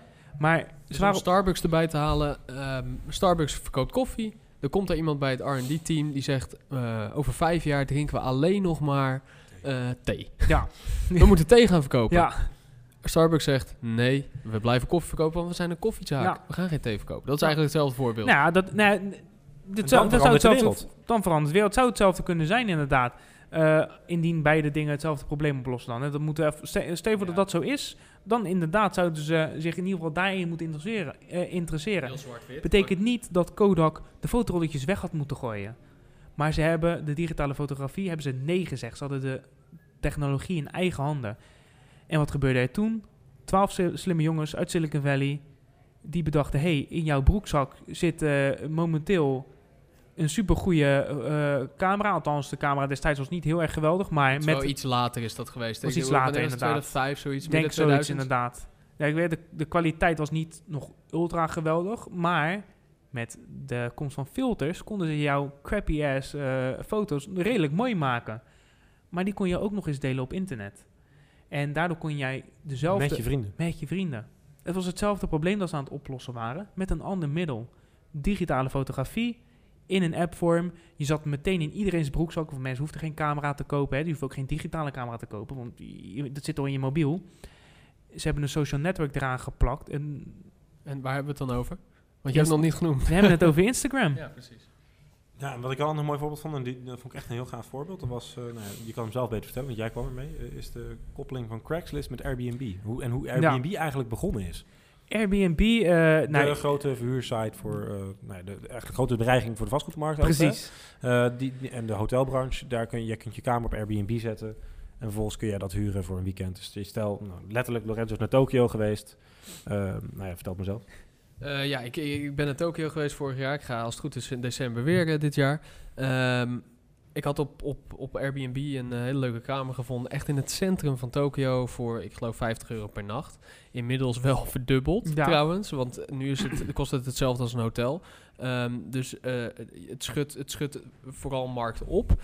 Maar je, kan, je kon voor, voor veel minder geld bij mensen thuis slapen. Ja. Dat is Airbnb. Dat is Airbnb. Super, tof, eh, super toffe oplossing. En wat grappig was, is dat ehm, dat al gebeurde op Craigslist. Mensen, eh, Craigslist, even, dat is het Amerikaanse equivalent van, van Marktplaats, alleen dan echt veel groter. Veel groter. Maar ook echt way old school. Heel oldschool, wordt nog steeds heel veel gebruikt eh, Ja, op de een of andere genoeg. manier. Echt voor, voor dingen heel uitlopend. Hè? Van nou, wat, je, wat je zegt, kamers die al aangeboden werden Ja. destijds tot aan eh ehm, ehm, Huurmoordenaars. Ja, echt heel, heel- dating. eh, dat- ook dat, ook Ja. dat gebeurt daar zo. Weet je, Tinder heeft dat ook even overgenomen. Maar Airbnb, die, die besloot, oké, dit wordt onze focus. Die hadden daar natuurlijk een super mooi design voor gemaakt. En eh, ze kwamen erachter dat als je op het moment dat je mooie beelden hebt, dan eh, eh, zijn, is, is de kans op een, op een verhuur veel groter. Terwijl op Craigslist zag alles er heel crappy uit. Nou, het eerste wat ze zijn gaan doen, is ze, zijn, ze hebben dus professionele fotografen ingehuurd. En die zijn ze professionele foto's laten gaan maken van die dingen die op, Craigs, eh, op Airbnb stonden. Waardoor ze super grafisch mooi werden en de kans op verhuur groter werd. Maar hetgeen wat het echt heeft gedaan, dat was de, de, Airbnb, de, de Craigslist hack. Eh, Airbnb kwam erachter op basis van data dat het proces wat Airbnb eigenlijk had verbeterd, op dit moment van nature al plaatsvond op Craigslist. Daar zat de markt dus. En wat heel veel mensen vervelend vonden, is dat ze, als ze hun eh, huis wilden vuren, moesten op Airbnb, waar de, eh, dat waren toch wat minder users op. En dan moesten ze het apart ook nog eens voor Craigslist doen, wat ze al gewend waren. Dus ze dachten, weet je wat, we doen het gewoon lekker op Craigslist. Wat grappig was, is dat een paar slimme growth hackers die een achtergrond hadden in development, een, eh, een API hadden ontwikkeld. Een API is een soort van programmaatje die je in, die een bepaald, eh, bepaalde website in staat stelt om te communiceren met een andere website. Normaal gesproken stelt een website dat be- ter beschikking. Dus eh, Facebook heeft een API, die, daardoor kan je bepaalde zaken van jouw website uitwisselen met Facebook. Die hebben zij gebouwd. Dus zij hebben een soort van, het is een soort van stekker. Zij hebben de stekkerdoos gebouwd. Jij hoeft alleen nog maar de stekker te maken. Dat bestond niet voor, eh, voor Craigslist. En op een of andere slimme manier vonden die gasten een hoeplo, hoeplo eh, zo, Loophole. een loophole in het systeem van Craigslist, waardoor ze in staat waren om zowel de stekker als het stopcontact te bouwen, waardoor gebruikers van Airbnb direct eh, in eh, staat werden gesteld om dingen te posten op Airbnb en Craigslist tegelijkertijd. En wat het mooiste was, is dat er op Craigslist direct een linkje werd meegestuurd van, hé, hey, maar deze staat wel op Airbnb, zodat je terug naar Airbnb kon. Hetzelfde voorbeeld met eh, Instagram. Hè? De foto's kwamen in één keer volledig op eh, Facebook. Ja, En een paar jaar later kocht Facebook Instagram voor een miljard of zo. ook, Ja. ook de, de Instagram, Facebook eh, eh, eh, ehm, hack, ook dat was een manier. Dat was geen hack, dat was een vriend van iemand Ja. van Instagram Ja, maar die daar werkte. Het was dat Facebook. Nou, Nee, waarom, echt serieus, die werkte bij Facebook. waarom, waarom, waarom we het een, een, een hack noemen, is dat zeg maar, wij denken dat growth hacking wordt heel erg gezien van, oh, dat zijn hackers die slechte dingen aan het doen zijn. We denken dat één woord daarin mist, dat heet system, growth system hacking. In systemen zitten zwaktes en hacken is letterlijk, je probeert te zoeken naar een zwakte in het systeem en dat Mhm. probeer je te exploiten of in ieder geval te optimaliseren. Maar dan ga ik heel flauw zijn. ik eh, ben een eh, hip schoenmerk, eh, hip schoenenmerk. En ik huur het pand naast de Bijenkorf hier in Rotterdam. En er zit een raampje tussen ons twee. Ik snijd Ja. het raampje eruit en iedereen die door de Bijenkorf loopt... kan ook bij mij naar binnen lopen. En die kan met mij zijn schoenen komen kopen. Ja. Dat mag niet. Dat mag niet. Nee, absoluut niet. Maar dat is wel wat eh, Airbnb heeft gedaan. Dat is wat... eh, het is heel slim hoor, dat, is wat, dat, is- verkeerd. dat is wat Airbnb heeft gedaan. Dat is meer een soort van, ja... Het is bijna naar een bank gaan, al het geld meenemen en tegen mensen bellen van... hé, hey, luister, als je geld terug wil, ik heb het Eh, gelijk op een nieuwe rekening gezet van mijn nieuwe bank. Het is meer een soort van black hat, Bijna. black hat hack. Laten we zo zeggen, in het geval van Instagram had zij gewoon een Facebook API. Je kon dus al foto's op Facebook plaatsen. Alleen Instagram had natuurlijk mooie filtertjes waardoor je foto's er tien keer zo goed uitzagen. Zeker op de kwaliteit eh, ehm, van de camera destijds. Instagram was op dat moment nog helemaal niet interessant als social network. Maar voornamelijk om de foto's te maken. En daarbij had je dan toevallig ook een Instagram-account. Maar de foto's kon je direct op Facebook plaatsen en delen met je vrienden. En vanuit daar is het social network uiteindelijk groot geworden. Nou, die openheid kostte een paar miljard, geloof ik. Ja, die heeft een eh, paar miljard eh, gekost uiteindelijk. Een ander mooi voorbeeld vond ik, waar het niet zo goed ging, was Google+. Google Plus, ehm, nou, eh, iedereen, Facebook iedereen van kent dat Google, natuurlijk. eh, ja. Google dacht, eh, wij willen ook ons eigen social net, eh, netwerk. Precies, Precies, het is een platform Ja. om de platforms van Google op één platform eh, aan te bieden. aan te bieden. En, en daarmee kon je connecten. Super grappig. Heel leuk. Hè? Tof, tof ideetje. Eh, maar het moest er doorheen gepusht worden.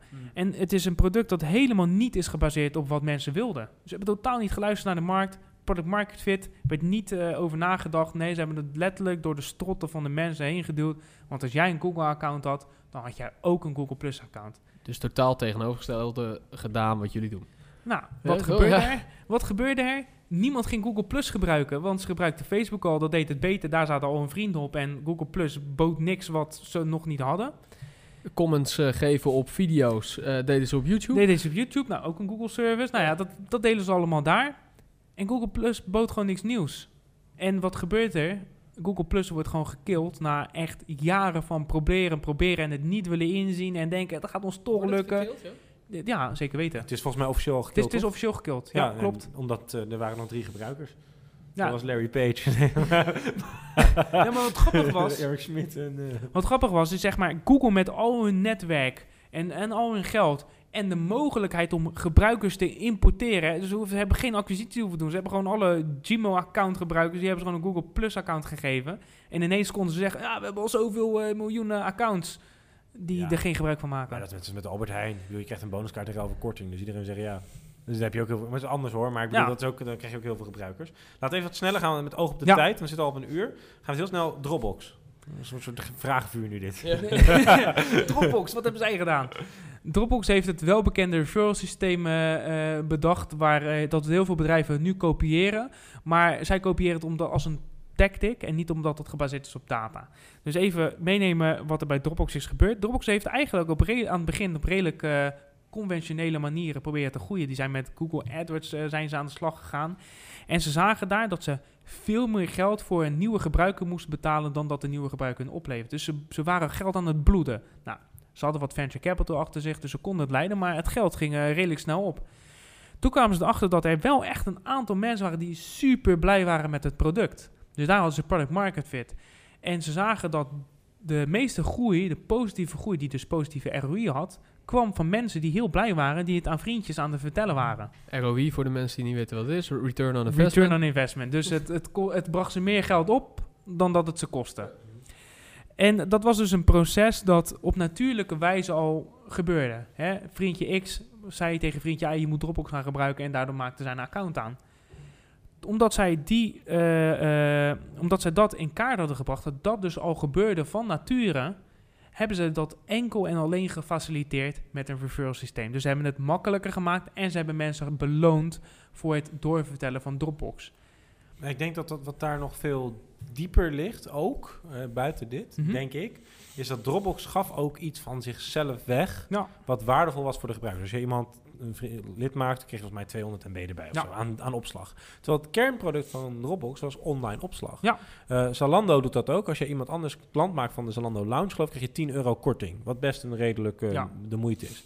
Maar wat je ook kan doen, en wat heel veel bedrijven doen, is van maak iemand anders klant van onze eh, web- website. Bijvoorbeeld, ik bij de Basic Fit, letterlijk, daar ben ik.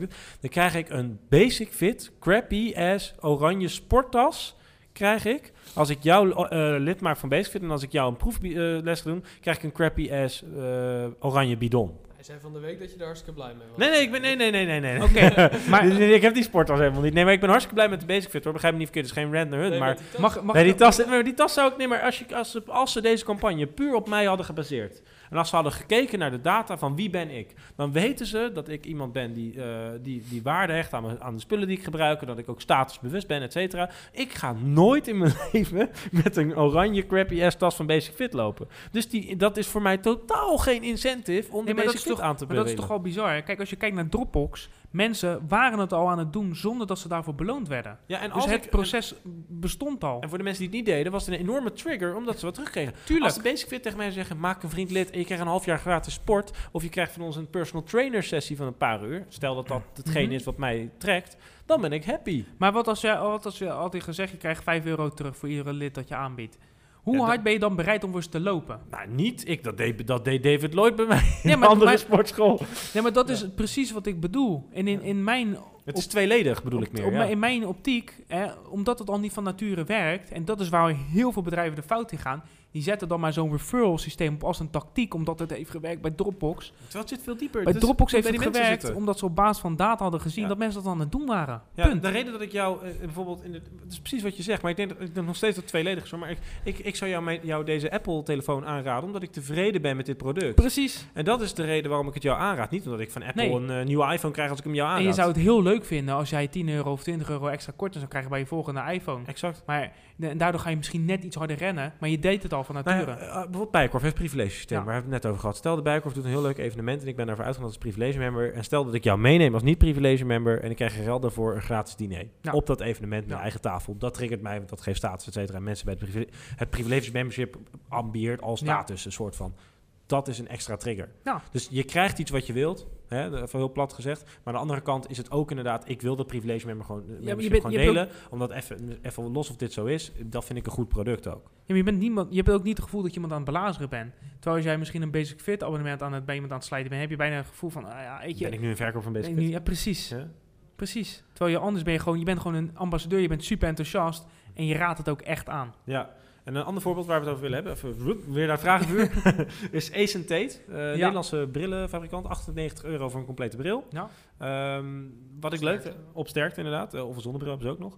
Eh, die zijn wat duurder geloof ik, maar dat er heel terzijde. Ehm die, die zagen dus dat eh, één ding gebeurde, mensen kochten geen bril online, want ze wilden het even passen. Ja. Dus toen kwamen ze eerst met software dat je je bril op je neus kon projecteren. En dat werkt natuurlijk voor geen meter. Wat heb- Ja, Ray-Ban had- Nee, niemand wil dat. Maar wat Ace Tate op een gegeven moment... Nou ja, het kom op. Eh, Wat Ace Tate op een gegeven moment goed deden... die zeiden als onderpand geef je je creditcard... dus je wordt niks eh, hoef je te betalen... en wij sturen jou gewoon tot een maximum van vier pasbrillen op... per post gewoon in je brievenbus met een retourlabel. Eh, helemaal gratis en dan kun je de vier passen... en dan kan je je vrienden laten zien wat vinden ze ervan... kun je fotootjes zetten op Instagram. Weer een mooie manier om Super te tof. referren. Super tof. En dan kun je vragen aan je mensen van... wat vinden jullie mooi? Hot or not eigenlijk. Dus Ja. er ging ook nog een soort social campaign eraan. Vond ik super slim. Maar toen hebben ze verder nog gedaan. Toen zagen ze op een gegeven moment van... oké, nou ja, mensen moeten ook kennis maken met ons merk. We moeten meer in het straatbeeld zitten. Een offline methodiek, hè. Toen begonnen ze ineens in Rotterdam eh, een eh, winkel te openen. Ze hadden ze ineens op een, op een soort ja, een oude boekenwinkel, de Donner. eh, dat, Ja. ja, had, de Selectus Donner. Ja, niet van de Sparma. eh, Nee, nee, nee, die dat andere. verkopen zij niet. Die andere Donner. Nee, niet met puntjes op de O en, e en twee N'en. Maar eh, die boekenwinkel die ging weg en toen was dat pand leeg. Staat trouwens nog steeds leeg. Ja. Hartstikke mooie plek. Centrum van Rotterdam. Beste plek denk ik in Rotterdam zo'n beetje. Om een winkel te vestigen. Toen hebben ze gewoon daar een, eh, een hokje geopend. Heel, eh, heel netjes gewoon. En dan konden mensen daar gewoon kennis maken met die winkel. Konden ze opgemeten worden en konden ze gelijk een bril Ja. kopen. Ja, vond ik super slim. Ja, dat, eh, weet je, als, als dat is wat mensen triggert, als dat is nou, ze hebben ze hebben bijvoorbeeld een, een zwakte in het systeem wat jij kunt optimaliseren, want andere mensen doen dat dus niet. Nou, omdat mensen dat niet doen, kun je, zie jij daar kans voor jezelf om daar naartoe te gaan? Ja. Waarom niet? Mooi voorbeeld, van, ja, mooi voorbeeld van, eh, van het omgekeerde. Hè? Dat van, van online, eh, hè, het zijn online gestart eh, naar offline. Omdat het voor hun gewoon beter werkt. Stel je voor, hè, in, dit, in dit geval, hè, goed werkt. En Online- goed werkt, ja, stel je voor, online werkt goed, hè? Eh, bij, bij hun werkt online ook goed. Stel je voor dat, ehm, dat ze offline ze iets meer geld kost dan dat het ze oplevert. Maar omdat zij online face-to-face een relatie zijn aangegaan, hebben ze eh, het meetbaar gemaakt, hebben een goed gevoel bij ze. Bestel je volgende bril gewoon bij hun online, omdat je al je, ze weten al je, al je maat al. Klaar. Ja, en top. wat is het dan? Lifetime value. Want dan Ja. is die eerste investering, daar heb je misschien verlies op geleid, geleden. Maar op de tweede aankoop heb je eindelijk je winst behaald. En dat En, is je en ROI. meer ook, ja precies. En, en veel meer ook, eh, omdat je online via dat kanaal eh, en misschien verkoopt. zijn ze een ambassadeur geworden van je. Weet Precies, je het is, mond-op-mond reclame. Het, het vloeit veel verder dan... eh, en we zien dat heel veel investeerders, dat heel veel eh, ondernemers willen direct ROI behalen op de eerste verkoop. Wat ja. niet zo hoeft te zijn. Want in dit specifieke geval, stel je voor dat ze zelfs een klein beetje verlies draaien.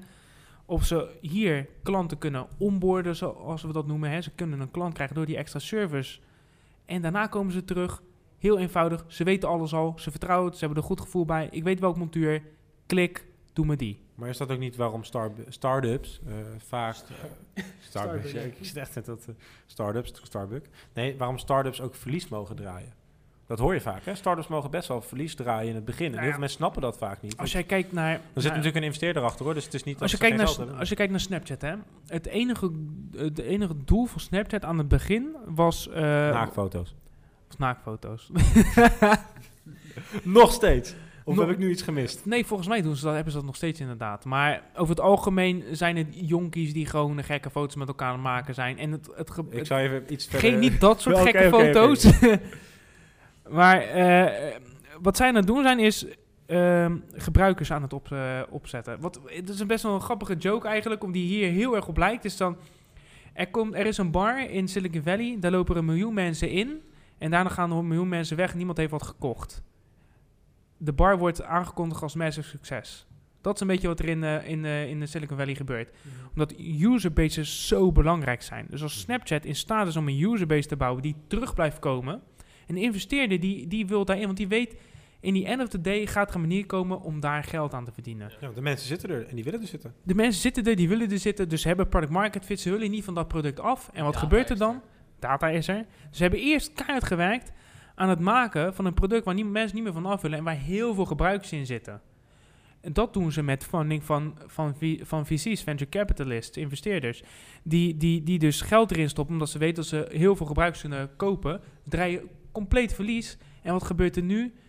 Ze hebben gezien, filters, dat werkt extreem goed voor Snapchat. En dat is het advertentiemodel wat Snapchat momenteel aan het uitrollen is. En waar zij al hun verloren geld met kaart mee gaan terugverdienen. Om eh, te gaan afsluiten, hè, om, eh, om richting het einde te gaan, zou je nog één best practice vanuit jullie bedrijf eh, kunnen noemen? Je hoeft geen namen te noemen, wat voor bedrijf, Nou maar gewoon Nou, een, mooi zeggen, voorbeeld. ik denk een, een voorbeeld over onszelf, wat wij hebben gedaan. Ja, want een, ik bedoel, jullie moeten nu echt enorm groeien. Dit is echt... eh, eh, We groeien ook. Neem ons mee in je We. Nee. groeien redelijk hard. Ik was daar de, De, de, wijnhandelaar drinkt toch de beste wijn bij zijn avondmaal? ik was daar, ik was daar de eerste, de eerste eh, werknemer. En ik weet nog aan het begin, voordat ik kwam, werd, werd, werden, we- wat, wat verkochten we toen? Dat werden growth audits genoemd. En een growth audit, dat betekent dus, ik ga jou even controleren of jij wel goede doet. En wat zagen we? Dat mensen daar, die, die vonden dat helemaal niet prettig. Wat we aan het doen waren, en ieder gesprek, ieder salesgesprek dat we met iemand hadden, waren we alles aan het notuleren. Echt alles. Toen we ik zeiden, hoe reageerde iemand daarop? Leunde die naar voren, dan was hij geïnteresseerd. Ging hij met zijn armen over elkaar, dan ging, dan nam meer gesloten houding aan. Ging hij achterover, dan was hij ineens heel nonchalant. Dus we gingen testen in die gesprekken. Als we ik zeggen, hoe reageert iemand dan? Wat als we I zeggen? Dus we begonnen hypotheses te formuleren op basis van de data die we daar, die we, die we daar zagen. En zo zijn we ons salesproces gaan optimaliseren. Aan het begin, het heeft volgens mij vier maanden gekost voordat ze eh, volgens mij de eerste klant binnenhaalden. En toen ik erbij kwam, zijn we dat heel erg gaan optimaliseren. En aan het einde wisten we zo, was het zo erg geoptimaliseerd. Wisten op het moment dat we iemand aan tafel hebben, dan wordt hij ook een klant.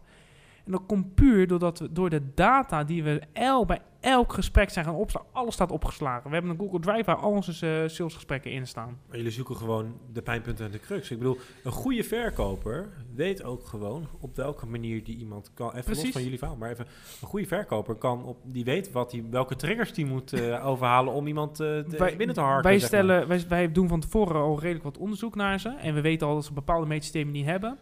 En dan gaan we aan ze vragen...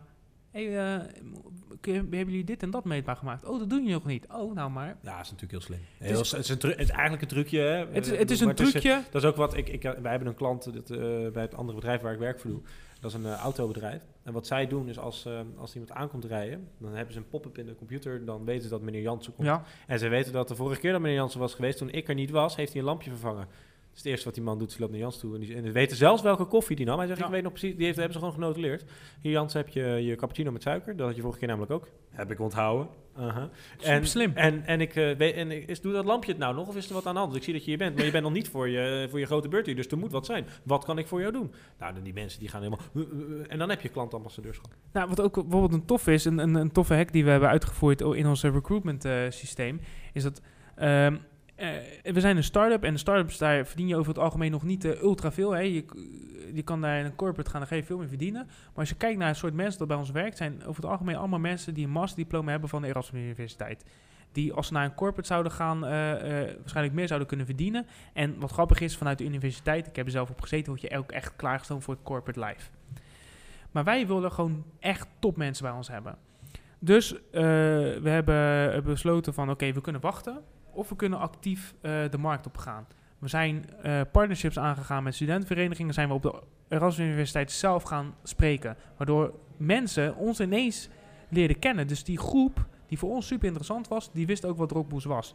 Maar wat er nog grappiger is, is dat de Rotterdam School of Management, dat is de business school van de Erasmus Universiteit, heeft een jobboard.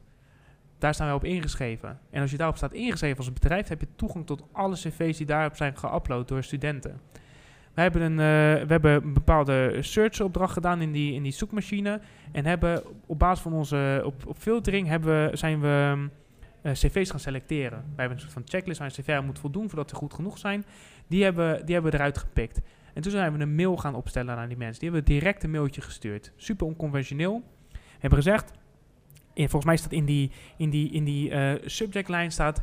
Your CV is among the top 5% of the RSM job board. Wanna meet at the Erasmus campus? Wij hebben toen gezegd, we zijn woensdag of donderdag, whatever, zijn we in de Erasmus campus van dan tot dan. We hebben slots voor vier mensen. Jij bent, eh, jij bent geselecteerd om, om, uit, om daar deel van te mogen maken. Let op, forceful. eh, de plekken worden gevul- gevuld op een, op een first come, first serve basis. Ja, En, je, eh, je doet er gewoon eigenlijk alle beïnvloedingsprincipes van Chialdini gooi je er ook nog even door. Ja. Schaarste. Tuurlijk. eh, als, Tuurlijk. Als, ja, maar dat is wel slimmigheid. Het dat is is- eigenlijk het een online retail techniek. Keiharde psychologie. Keiharde psychologie die je toepast op basis van je eigen acquisitiebeleid. En wij selecteren dan, zelf de mensen. Dus wij, daardoor zijn wij in staat om de, om de kersen eh, uit de pap te, te halen in principe. Weet je, het is echt de Mhm. beste van de beste hebben we naar binnen weten trekken, maar op deze manier. Mhm. En die ik, mensen... vind, ik, de- ik vind het echt schitterend om te horen hoe jullie dat doen. Ja. Ik bedoel, dat is, ook, dat is ook denk ik precies de manier eh, in, een, in een wereld van massamedia, in een wereld van enorme consumptie, om gewoon wel nog op te vallen, denk ik, in die, eh, in, in die grote breedte van, eh, van corporates ook. Hè, waar, waar maar wat, wat, zie je, wat zie je gebeuren? Die studenten denken eerst van, oh ja, het zou wel leuk zijn, maar toch ergens denken ze van, nou, weet je, ik wil toch wel klikken. En aan de andere kant, ergens vinden ze het ook wel tof van, dit is echt anders. Maar sturen jullie ook een mailtje? Waarom heb je niet geklikt? Nee, want eh, wij, wij zoeken, want wij hebben, mindset is heel belangrijk voor ons, hè? Dus, Nee, nee, dat is een- Dus wij, wij recruteren ook op Mindset. We hebben een heel, zelfs ons, eh, de sollicitatieprocedures, hebben we, hele, we hebben een model waar we hebben gekeken naar de karakteristieken van mensen die bij ons succesvol zijn. Op basis daarvan hebben we onze hele sollicitatieprocedure aangepast, zodat we ook kunnen uithalen wie er wel aan voldoet en wie niet. De mensen die niet klikken, die niet getriggerd worden, die passen, die Die- passen al zeker niet. Dan hebben wij het vermoeden dat ze blijkbaar niet zo'n goede fit zijn voor ons bedrijf. En die mensen die wel getriggerd zijn, wel geklikt hebben, die hebben blijkbaar de mindset om ieder geval open te staan om te horen, wat is dat dan? Ja, daar ben ik wel met je eens. Maar je kan natuurlijk ook me- eh, talent mislopen op die manier. Tuurlijk, maar bedoel, je kan ze ook, eh, je kan ook de vraag stellen weer, hè, om het weer te testen. Mhm. Eh, waarom heb je niet geklikt? Wat, wat triggerde je niet? tuurlijk. Maar dan kan natuurlijk ook Dat- het antwoord dat zijn, zou- ik, wil voor, ik wil voor Unilever werken. Nee, maar dat zou, dat zou een, een hele goede optimalisatie zijn, een vervolgoptimalisatie in ons proces. Dus ik denk dat ik deze zelfs ga meenemen. Want waarom zouden we het niet vragen? Weet je, eh, ik ben niet te beroerd voor die data. Op dit moment eh, hebben we denk ik de luxe gehad dat we gewoon alle spots gewoon vol kregen. En zelfs als we meer mensen aanvragen, dan regelden we wel een manier waarop ze alsnog konden spreken. Ehm, eh, maar het is, het is wel een interessante die ik, die ik ga meenemen. Dus dankjewel. Super. Hierbij een mooi bruggetje ook. Dankjewel. Jij bedankt, eh, Jonathan, voor je fantastische verhaal. Ik heb echt aan je lippen gehangen, eh, bijna anderhalf uur lang. Echt super interessant. En ik heb eh, wel weer wat nieuwe inzichten op het gebied van marketing en, en groei ook. Ja, en zeker, ja, echt super tof. Bedankt. Ehm, daarnaast wil ik nog het ECE bedanken. Hè, dat we hier Ja. hebben mogen zitten. Misschien niet de eerste keer, misschien mogen we er wel vaker zitten. Wie weet. Wie weet. want het is een super mooie ruimte met prachtig uitzicht hier in, op het Innovation Dock in Rotterdam. Eh, daarnaast wil ik jou ook bedanken, Nick, eh, voor je input. Eh, en nogmaals, ja, ik vond het echt super tof. Ik vond het echt een super tof onderwerp ehm, ehm, die we vandaag behandeld hebben. Daarnaast wil ik nog een paar mensen bedanken. Ja, het is een flinke bedankronde. Wesley van der Spel voor het development van de website. Rob Voets voor het design van de website. Moby voor de muziek die je inmiddels al hoort. Ehm, en ja, jongens, bedankt. Ik wil nog wel, zullen we even kort nog de docu. We zijn bezig met de documentaire. Komt eraan over het eten van morgen. Eh, er staan ook nog wat andere podcasts gepland. eh, met onder andere eh, hoofddesign TomTom. Komt eraan. Eh, we hebben het over de school van morgen. Komt er ook nog aan. Ehm, en ja, luisteraars, bedankt voor het luisteren. En tot de volgende keer.